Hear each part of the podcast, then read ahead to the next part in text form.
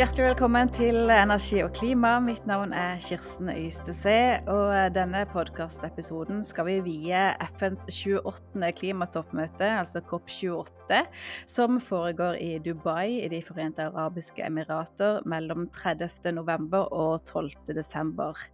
Og dagens gjest er kanskje den i Norge som har de beste forutsetningene for å gi en kvalifisert analyse av hva vi kan vente av årets klimatoppmøte mangeårig klimaforhandler Men Karlsen fra Klima- og miljødepartementet. Velkommen. Takk for at jeg fikk komme. Du har jo hatt en sentral rolle i de internasjonale klimaforhandlingene i mange år. Du deltok på klimatoppmøtene siden COP14 tilbake i 2008. Og under covid så hadde du jo en litt spesiell rolle ved å lede forhandlingene digitalt hjemme fra stua i Sandefjord. Og du vet også en del om hvor mye det har å si for eh, forhandlingsklimaet at møtelokaler er funksjonelle, at det er tilgang på mat og vann, at det er en god, effektiv logistikk. Altså hele rigget rundt møtet har også litt å si. Ja, jeg har jobba med klimaforhandlingene lenge, og det er mange elementer som skal på plass for at vi skal ha en, et godt eh, møte i klimaforhandlingene. Men bunnlinja er alltid politisk vilje til å få på plass de løsningene som trengs. Mm. Og uten noe særlig betenkningstid, eh, hva er høydepunktene i din tid som klimaforhandler? Jeg må si at eh, det å se klimaforhandlingene sånn år til år, det, det, gjør ikke jeg. Jeg ser på klimaforhandlingene over tid. Eh, og da er det klart at milepælene de blir ikke til i ett år. De blir til over mange år. Det er mye nitidig jobbing som skal til for å få på plass og få forankra alle de, de, de, løsningene som vi har. Det som det er helt åpenbart at Parisavtalen var, en, var et eh, enormt skille i internasjonalt klimaarbeid. Hvor du gikk fra en verden som, eh, hvor 17% av eh, utslippene var dekket av en avtale, til at nær sagt 100% av, alle, av utslippene i verden er dekket av Parisavtalen. Det er en enorm forskjell. Eh, og det var en lang prosess som skulle til for å få på plass det rammeverket. Eh, så hadde vi milepæler underveis, og mange ønsker seg å si liksom, at København var, en, var mislykket. Det var jo da man trodde at man skulle få Parisavtalen, og så var ikke verden moden nok for det. Men man fikk til viktige ting eh, i København. Bl.a. Eh, løftet om at eh, Iland skulle mobilisere 100 milliarder dollar årlig i klimafinansiering. Man fikk på plass eh, de første måte, bidragene også fra, fra utviklingsland på utslippsreduksjoner. Riktignok ikke bindende, slik som i Parisavtalen, men likevel. Um, og så, etter Paris, så er nok regelverket som ble landa i Katowice i 2018, det er også en av disse milepælene. Ehm, fordi Parisavtalen er en slags sånn prosessavtale. Den sier liksom hva eh, partene skal gjøre når, men hvordan um, man skal gjøre det. Altså eh, rundt uh, um, hva slags uh, Hvordan skal du snakke om målet ditt, hvordan skal du gjøre i klarhet til det, hvordan du skal rapportere. Det blir litt som å ha et, en skattelov uten på en måte et skatteskjema, uh, hvis du skjønner hva jeg mener. Sånn at regelboka for Parisavtalen, når den ble landa, så, så, gikk vi inn i en helt ny fase i, i, forhandlingene. Og har siden da jobbet mye med å konkretisere hvordan skal vi løfte implementeringen av Parisavtalen. Og det er der vi står nå, foran COP28. Um, med en, en, en diskusjon som, som, er langt mer konkret, f.eks. På, på kilder til utslipp enn det vi noen gang har hatt. Mm. Og eh, Nå nærmer jo COP28 seg, og du, du, sier at vi er inne i en annen tid og en annen prosess. Hvilke saker er det nå som er de viktigste og de vanskeligste som kommer til å prege møtet? Nå er klimaforhandlinger generelt eh, litt vanskelige. Eh, ikke vanskeligere enn norsk kommunesammenslåing, men likevel svært eh, vanskelig. Um, det er sterke drivkrefter i sving her. Um, kjernen i, i, energisystemene som, som, uh, som, er opp til, uh, til diskusjon. Um, det er store internasjonale rammer som påvirker uh, et partsmøte. Det er storpolitikk i rammene rundt her som, som også preger det bildet, og særlig nå når vi har, har en, internasjonale konflikter og krig eh, to, to, to, steder i, i, verden. Vi har ettervirkninger av covid fremdeles, et økende gjeldsbyrde for, for utviklingsland. Vi har også en, en, en ramme hvor det skjer mye viktig og bra på fornybare investeringer, men vi ser også at de fordeles eh, veldig skjevt eh, globalt. Sånn at uh, disse tingene det rammer inn uh, et partsmøte og preger, setter sitt preg på, på, på, forhandlingene. Samtidig så er det sånn at gjennom alle disse utfordringene som vi har rundt oss, um, så er det sånn at Klimakonvensjonens arbeid har klart å levere godt likevel. Um, og det er jo det som er det store trykket i år. Vi må ikke glemme at uh, klimautfordringen er den største langsiktige utfordringen som vi står overfor. Um, og hastverket i å, å jobbe fram uh, gode globale løsninger, den blir ikke borte. Uh, selv om andre utfordringer tar veldig mye oppmerksomhet. Og selvfølgelig Eh, bidrar til, til, å, til, å, sette noen rammer for, for uh, hva, vi, hva, vi, skal få til. Men du nevner krig bl.a., og fjorårets COP-møte, da hadde man jo også krigen i Ukraina. I år så har man jo i tillegg konflikten mellom eh, Israel og Hamas. Hvordan vil det konkret prege forhandlingene? Jeg syns det er vanskelig å si um, akkurat hvordan, um, hvordan det vil, vil prege forhandlingene. Det handler noe om hva det gjør med, med, med landenes um, vilje til å multilateralt samarbeid generelt, tror jeg. Jeg tror ikke dette er spesielt for klimaforhandlingene. Eh, mange fokuserer jo på energisikkerhet, men, men, der vet vi også at energisikkerhet handler om å nettopp gå over til det fornybare. Eh, vi ser jo det fra Europa, hvor, eh, hvordan de nå ser på energisikkerhet som et sterkt argument for å gjøre omstillingen til fornybar. Eh, sånn at eh, det er ikke en ensidig historie om at det bare har negative innvirkninger, selv om det alltid er slik at eh, krig og konflikt og, og, og, og uheldige andre, andre typer rammebetingelser, det, det, vil alltid slå dårlig ut i, i multilaterale sammenhenger. I klimasammenheng som i alle andre sammenhenger. Ja. Hvilke forventninger har du da til, til dette møtet? Eh, I år har vi en svært viktig oppgave foran oss. Da Parisavtalen ble, ble, ble laget, så så vi jo at det var ikke tilstrekkelig det som lå på bordet i 2015. Eh, derfor så er Parisavtalen laget som en slags sånn oppadgående spiral. Den skal gjøre sånn at land hvert femte år leverer inn nye mål, og de målene de skal være sterkere enn det du hadde sist. Og de skal liksom uttrykke ditt høyeste mulige ambisjonsnivå, slik står det i Parisavtalen. Så er det sånn at det er det landene som bestemmer selv. Eh, I motsetning til det regimet vi hadde under Kyoto-protokollen, hvor du hadde en, en bløtkake, og så var det noen som serverte deg bløtkakestykket, så er det sånn at nå inviterer Parisavtalen til å si ta det største kakestykket. Og så gjør du det basert på at du skal gjøre ditt aller, aller beste. Um, og i tillegg så må du ha tatt større kakestykke enn det du tok sist. Og så er det de nasjonale omstendighetene som bestemmer eh, hvor størrelsen på det kakestykket. Så har vi den globale gjennomgangen. Så hvert femte år, to, halvannet år før disse nye målene, hvert femte år skulle leveres, så har man laget en, en prosess som, som, stiller seg tre grunnleggende spørsmål.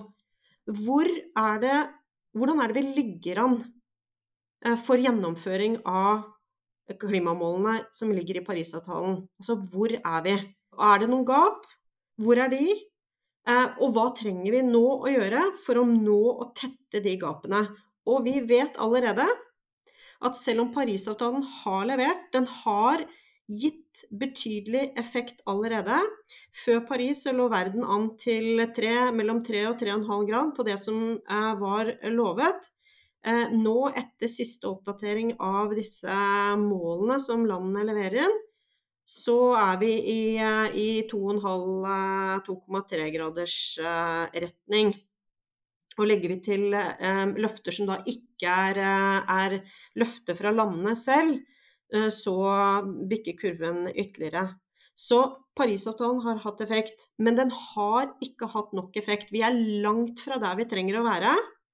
Um, og før 2030 så må vi uh, kutte utslippene med 30, 43 um, Og ser vi fram mot 2035, uh, må vi ned i 60% i hvert fall.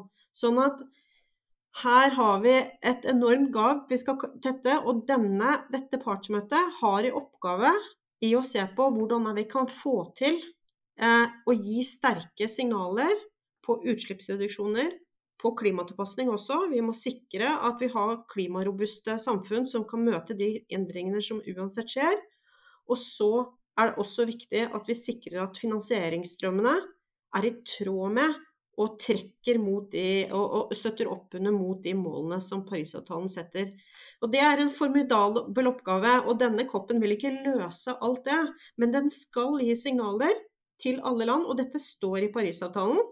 Skal gi signaler til alle land, som da skal gå tilbake og så i løpet av neste år se ok, hva skal våre bidrag i lys av det som vi har lært, det vi vet, hva er det vi skal legge på bordet Eh, på vårt neste, eh, når vi skal levere inn mål neste gang. Og de skal være informert av den globale gjennomgangen som finner sted i år. Og det høres kanskje litt sånn kjedelig ut. Her skal vi liksom bare legge noe Det er jo målene som teller. Men det er også sånn at signalene som gis fra, fra denne koppen, er viktige. Eh, for at landene skal på en måte få et eh, trykk og et push for å gjøre mer. Og ikke bare land. Den vil også være sånn at signalene her de eh, strekker seg også ut til alle de som skal gjennomføre klimapolitikken på bakken, inkludert eh, næringsliv f.eks. Og det som diskuteres bare for å ta et eksempel på hva som diskuteres eh, nå, så, så, er det med energiomstilling det er en hovedsak på dette partsmøtet. Um, Emiratenes um, COP-president, um, uh, Sultan al-Jaber, han løfter det inn i alle diskusjoner og alle sammenhenger at nå må vi sette, konkretisere og sette fart i energiomstillingen. Og da er det, er det mange som, som refererer til vitenskapen. Uh, Dvs. Si at globalt så må verden nå utslippstoppen i 2025.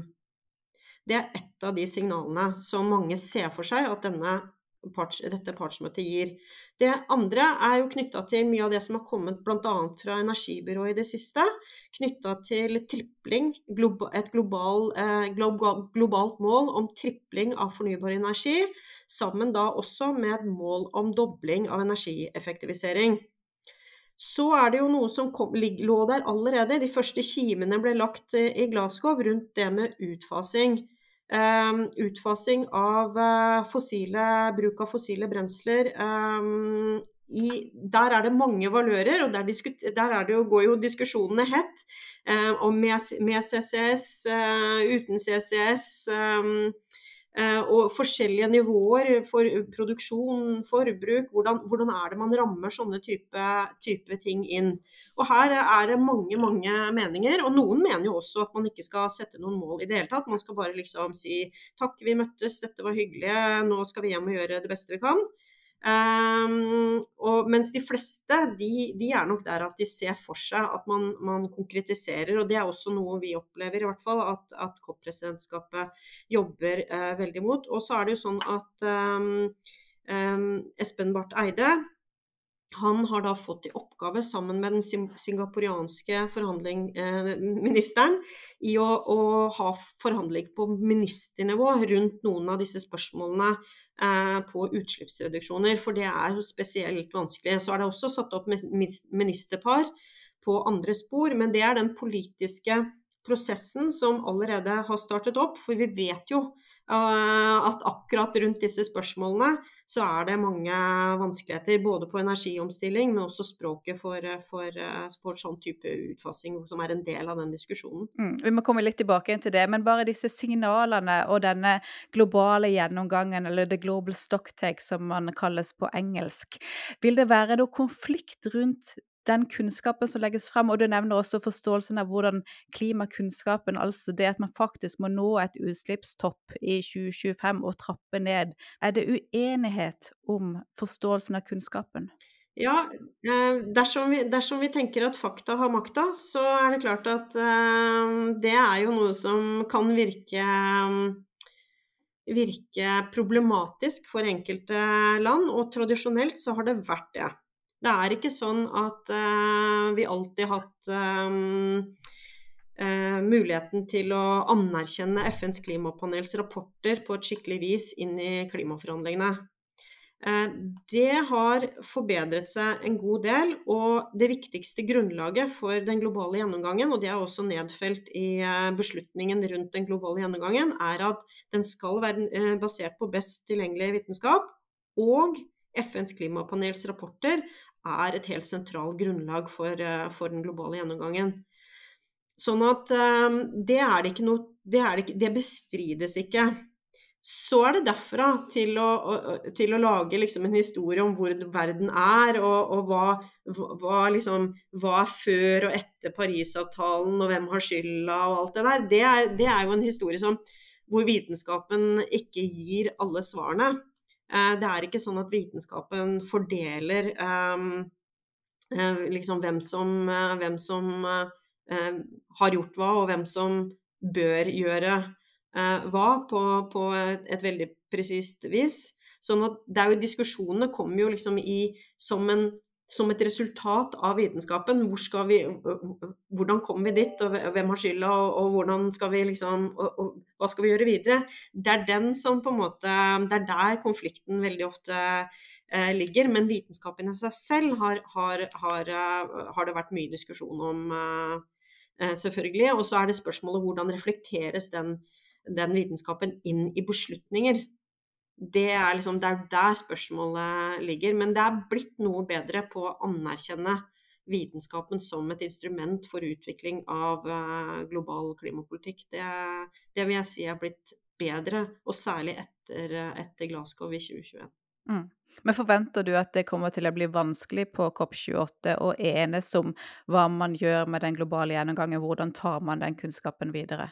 Det finnes ikke lettfødte barn uh, i, i, klimaforhandlingene. Um, sånn at uh, ja, det blir uh, vanskelig. Um, men det er jo derfor man har satt opp, som jeg nevnte, politiske spor i parallell til disse mer tekniske forhandlingene, nettopp for å modne og, og, og kna eh, og få folk få liksom det, politiske, det, politiske, nivået til å, til, å, til å, bevege seg framover, nettopp for å få til et felles eh, eh, og, og robust signal ut av koppen. I, I fjor, altså COP27, så en av de tingene som ble trukket fram som en, si, en seier fra det møtet, var enighet om uh, å etablere et uh, tap- og skadefond. Og det har blitt jobba med sant, siden, siden eh, den enigheten i fjor. Kan du si litt om hvor den saken nå står, og hva som kommer til å bli diskutert i år? COP, COP27 landet jo en enighet om å etablere finansieringsordninger, herunder et fond, for uh, tap og, skade som følge av uh, klimaendringer. Um, det ble samtidig nedsatt en, en komité um, som har jobbet gjennom hardt, hardt og, og, intenst gjennom fem, fem uh, møter. De siste ble avsluttet forrige helg. Norge har hatt en representant i det, det, den, den komiteen, Georg Børsting fra Utenriksdepartementet. Um, og de har eh, da jobbet fram et, um, et uh, sett med anbefalinger um, som nå uh, skal leveres inn til uh, partsmøtet. de har besvart da de oppgavene som de har fått om hvordan det, et sånt fond kan se ut, hvor det skal ligge, hvordan kan løse det med fordeling. Ehm, det var jo en særlig eh, bestemmelse i eh, beslutningen fra, fra Sharm el-Sheikh at, at, det skulle være u-land som er særlig sårbare for, eh, for klimaendringer. Så det ligger f.eks. inne et forslag der om et, en minimumsallokering til, til minst utviklede land og, og, og de små øystatene. Så, så, det ligger nå et, et, forslag på bordet, og så blir det jo partenes eh, jobb eh, å bestemme seg for om dette er det som er det dette vi vil ha, og så ikke åpne det, eller om man ønsker ytterligere diskusjoner rundt det. Og så har, eh, har COP-presidenten også uttrykt da at man ønsker seg et, at dette blir et, et av de viktige, viktige leveringspunktene for, for COP28. Uh, og det er naturlig nok uh, sånn det, det, vil det jo bli. Og dette kjernen i, i, konflikten, eller hva skal jeg si, diskusjonen om tap og skade, det handler jo om både hvem som skal betale inn, og hvem som skal motta.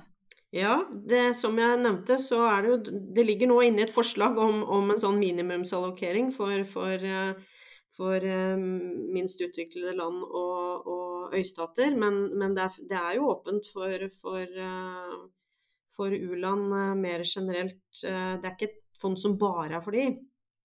Um, så det er det ene. Og når det gjelder uh, hvem som bidrar, så er det jo sånn at uh, fra norsk side så mener vi det er viktig at uh, dette fondet maksimaliserer alle kilder og alle bidragsytere.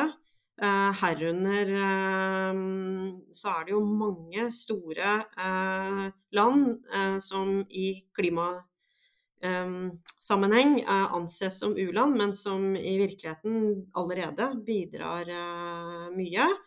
Eh, også på klimafinansiering, og at det med utvidelse av giverbasen, det vil være Det er viktig. Og så er det en, i forslaget en anerkjennelse av, av også andre bidragsytere enn en, en i-land. Men, men, her får vi se hvordan, hvordan det går. Mm ta oss litt med inn i klimatoppmøtet og beskrive altså, hvor mye er Du nevner denne tap og skade. Sant? Det ligger et forhandlingsløsning på bordet som allerede er klart. Hvor mye er det som allerede er landa før møtet starter? Hvordan foregår selve forhandlingene i møtet? Hvor viktig er de formelle forhandlingene versus det som skjer mer i kulissene? Ja, det er sånn at eh, vi, vi møtes jo ikke bare i to uker um, i året. Vi møtes um, til forhandlinger hver, uh, hver um, vår. Sånn at det er Forhandlingene er bygd opp sånn at du har en vårsesjon hvor det som kalles subsidiary bodies møtes. Det er der veldig mye av det praktiske forhandlingsarbeidet foregår, og hvor man forbereder beslutninger som da eh, adopteres av eh, COP. Det er egentlig tre møter vi snakker om. COP det er Conference of the Parties, det er til klimakonvensjonen. Og så er det CMP, som er Conference of the Meetings of the Parties to the Kyoto Protocol, altså CMP. Og så er det CMA, som er eh, Parisavtalens årlige møte. Så det er egentlig tre møter som foregår, men vi bare kaller det COP, da. Um, og, og, det er det governing bodies. De tar beslutninger. Og de tas årlig, og de tas da i, i, i år i Dubai. Et hvilket som helst årsmøte i en hvilken som helst forening. Så forberedes, så er det sånn at disse subsidiary bodies de møtes da to uker i, på våren for å forberede beslutninger, og én uke før koppen begynner. Så egentlig så er koppen det er jo, Vi sier at det er to uker, men en av de ukene er da dedikert til og jobbe fram beslutninger. Og så er det sånn at eh, de aller, aller fleste beslutningene som tas på et partsmøte, de er ferdige. Eh, de bør være ferdige eh, før eh, og kan bare bankes igjennom. Men så er det også sånn at det er utestående spørsmål, og noen av de vet vi allerede. Og har snakka mye om energiomstilling og den politiske prosessen rundt det. Og det er fordi at dette er spørsmål og beslutninger som som krever en, en, en liksom mer tid, mer politisk trykk. Og det landes da i uke to på koppen, som er en sånn høynivådel. Eh, men brorparten av beslutninger som tas på et partsmøte, de er ferdig eh, en uke før, ja, litt under en uke før, uh, før møtet faktisk avsluttes, og, og, bankes igjennom da i disse subsidiary bodies som har jobba jevnt og trutt. Så er det sånn at i år så var det møtet i juni akkurat sånn passe vellykka. Det ble ikke så veldig mye framdrift på veldig mange spor. Sånn at vi har en veldig stor arbeidsbyrde eh, i, eh, i, forhandlingene første uke.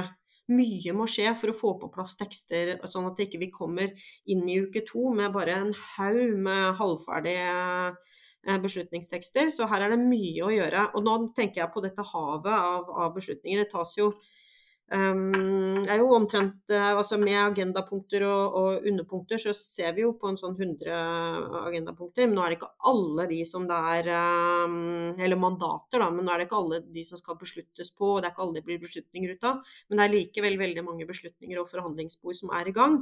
I tillegg så er det sånn at det er masse teknisk arbeid som foregår i en rekke underkomiteer for å hjelpe til med implementering, for oss, eh, eh, kapasitetsbygging, veiledning, tar opp spørsmål. Vi har en komité for klimatilpasning, vi har eh, arbeidsprogram for utslippsreduksjoner, vi har eh, urfolksplattform, vi har et gender work program, vi har arbeidsprogram for, for involvering, Action for Power and Climate Empowerment, hvor barn og unge f.eks. står helt sentralt.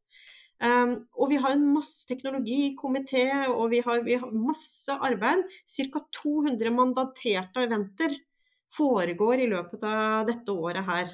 Og det fordeles gjennom hele året, naturlig nok. Så det er en masse aktiviteter eh, i tillegg til disse forhandlingene som, som samla sett utgjør eh, klim, det vi kaller klimaforhandlingene og klimakonvensjonen og Parisavtalen. Eh, og så er det et hav av omstendigheter eh, Altså det er ca. 2500 til 3000 forhandlere på et partsmøte. Og så er det jo venta at det kommer 60 000 til, eh, til, Dubai, så da kan man spørre på seg hva gjør alle de andre? Um, nå er det ikke så mye jeg ser av det, uh, men det, det, det, Når jeg får anledning til å krype ut av forhandlingsrommene, så hender det at vi tar turen over. Og det er jo et, en møteplass, en, kanskje den største um, internasjonale møteplassen for uh, klimasamarbeid. Der er det, mm, det er kommuner, og det er næringslivsaktører, det er organisasjoner, det er vitenskapen. Eh, det er eh, alle som har en, en aksje i eh, klima og klimaomstilling, de er til stede på en kopp. En viktig møteplass, en viktig arena for, for samarbeid, og det trenger jo også forhandlingene. Det er jo ikke bare sånn at vi er i et vakuum. Vi skal gi signaler, føringer, veiledning til alt det som skal gjøres. Men det er også sånn at vi henter jo Vi må jo også ha relevante beslutninger for det som skjer der ute. Og henter jo på en måte mye kraft og inspirasjon av alt det som vi vet foregår. Som vi ikke alltid får ta en del av, men som, men som, uh, som vi vet foregår rundt. Og veldig mye viktige ting. F.eks. metanpledgen som, som USA um, satte i gang i, i uh, 2021 det ser vi jo nå har modnet. Altså, vi ser jo for oss fra, fra norsk side at vi får kanskje til et mål, globalt mål for, for metan eh, inn i en beslutning.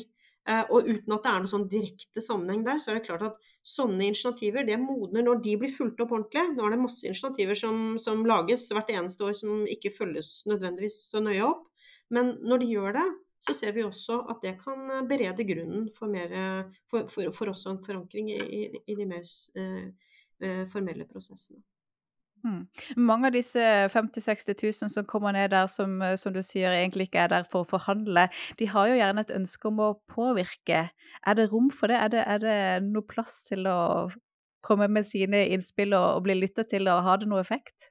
Ja, det, det, er jo et godt spørsmål. Hvor, hvordan er koblingen egentlig? Um, det, for det første så vil jeg si at alle skal ha en stemme eh, inn i, i, klimaforhandlingene. Det er veldig viktig, og det legges også til rette for det gjennom at uh, i klimaforhandlinger så er det det som kalles constituencies. Da har på en måte miljøorganisasjonene har sitt eget uh, De samler seg i sånne i grupper, uh, og, og, og, og, vitenskapen har sin gruppe, næringslivet har sin gruppe, miljøorganisasjonene har sin gruppe, gender, altså urfolk har sin gruppe. Og de, de består da av organisasjoner um, og de har tale De, de får taletid eh, på møtenes åpning og avslutning. De får ta del inn i rommene.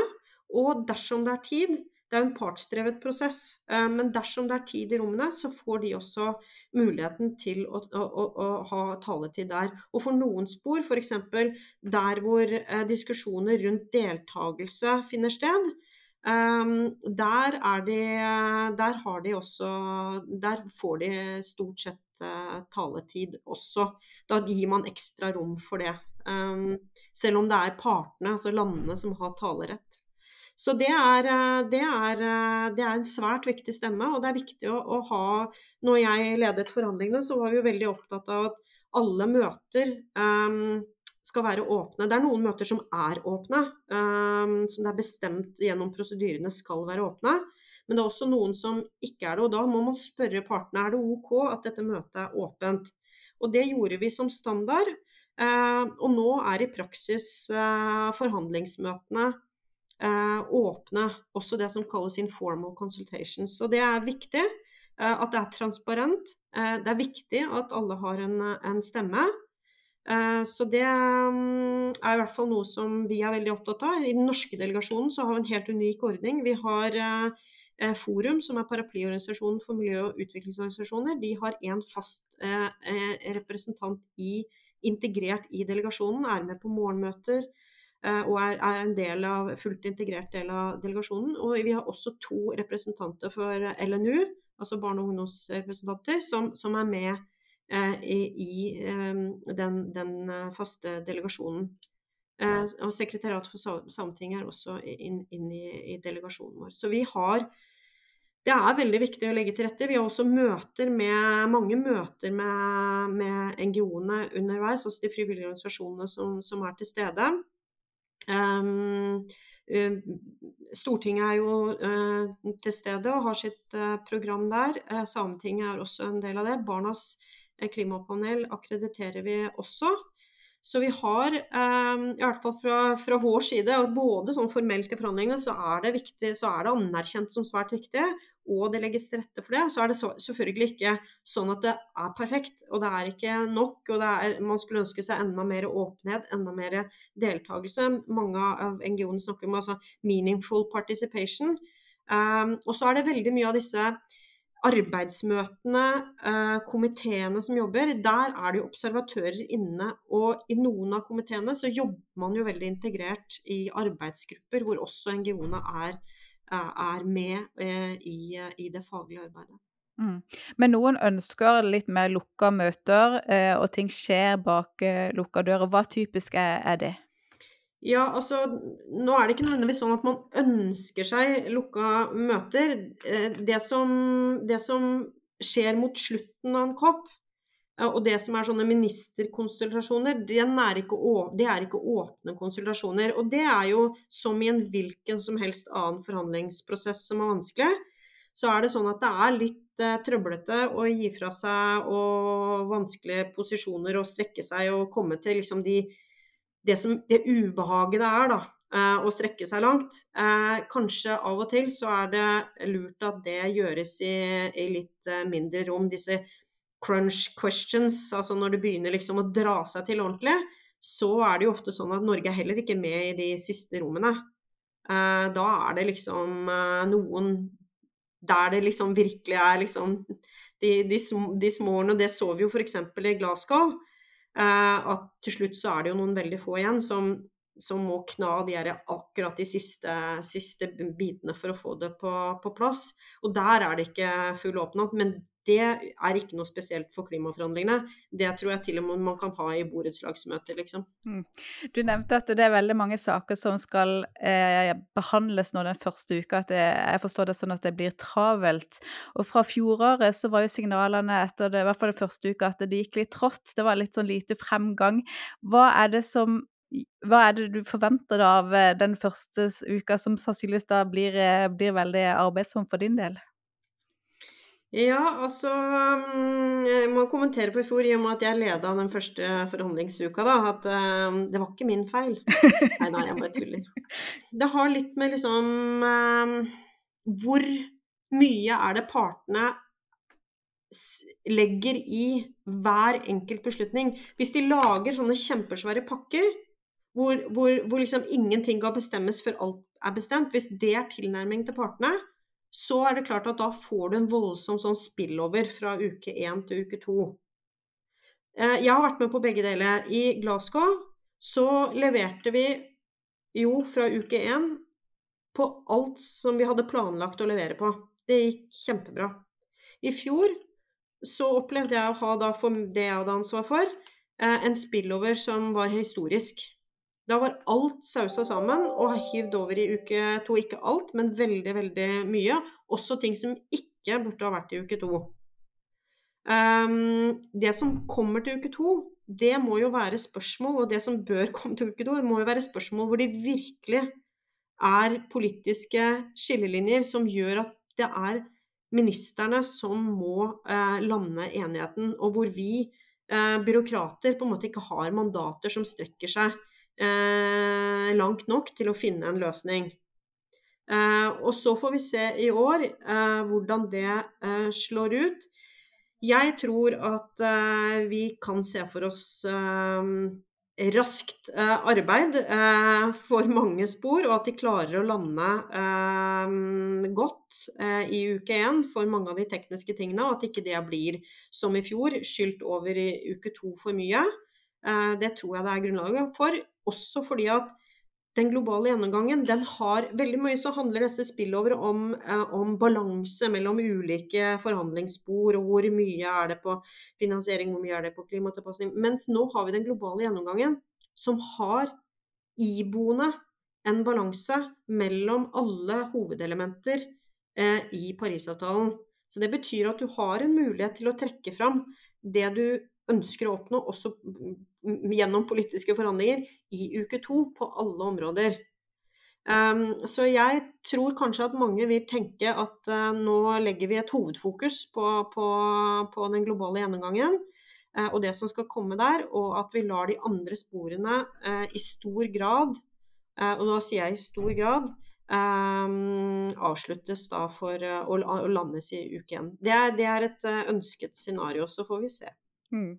Du nevnte jo energiomstilling som et viktig tema. Vi har sett de to siste årene denne diskusjonen som du også nevnte med å fase ned eller fase ut kull.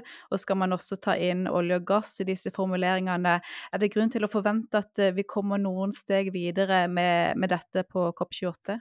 Fra, fra, fra, fra norsk side så, så, mener vi jo at det må eh, Alle disse diskusjonene de, eh, må komme videre. Det er viktig nå at uh, denne koppen ikke bare gjentar det som ble sagt i Glasgow og uh, gjentatt da i Sharm el-Sheikh, og skal det gjentas en tredje gang.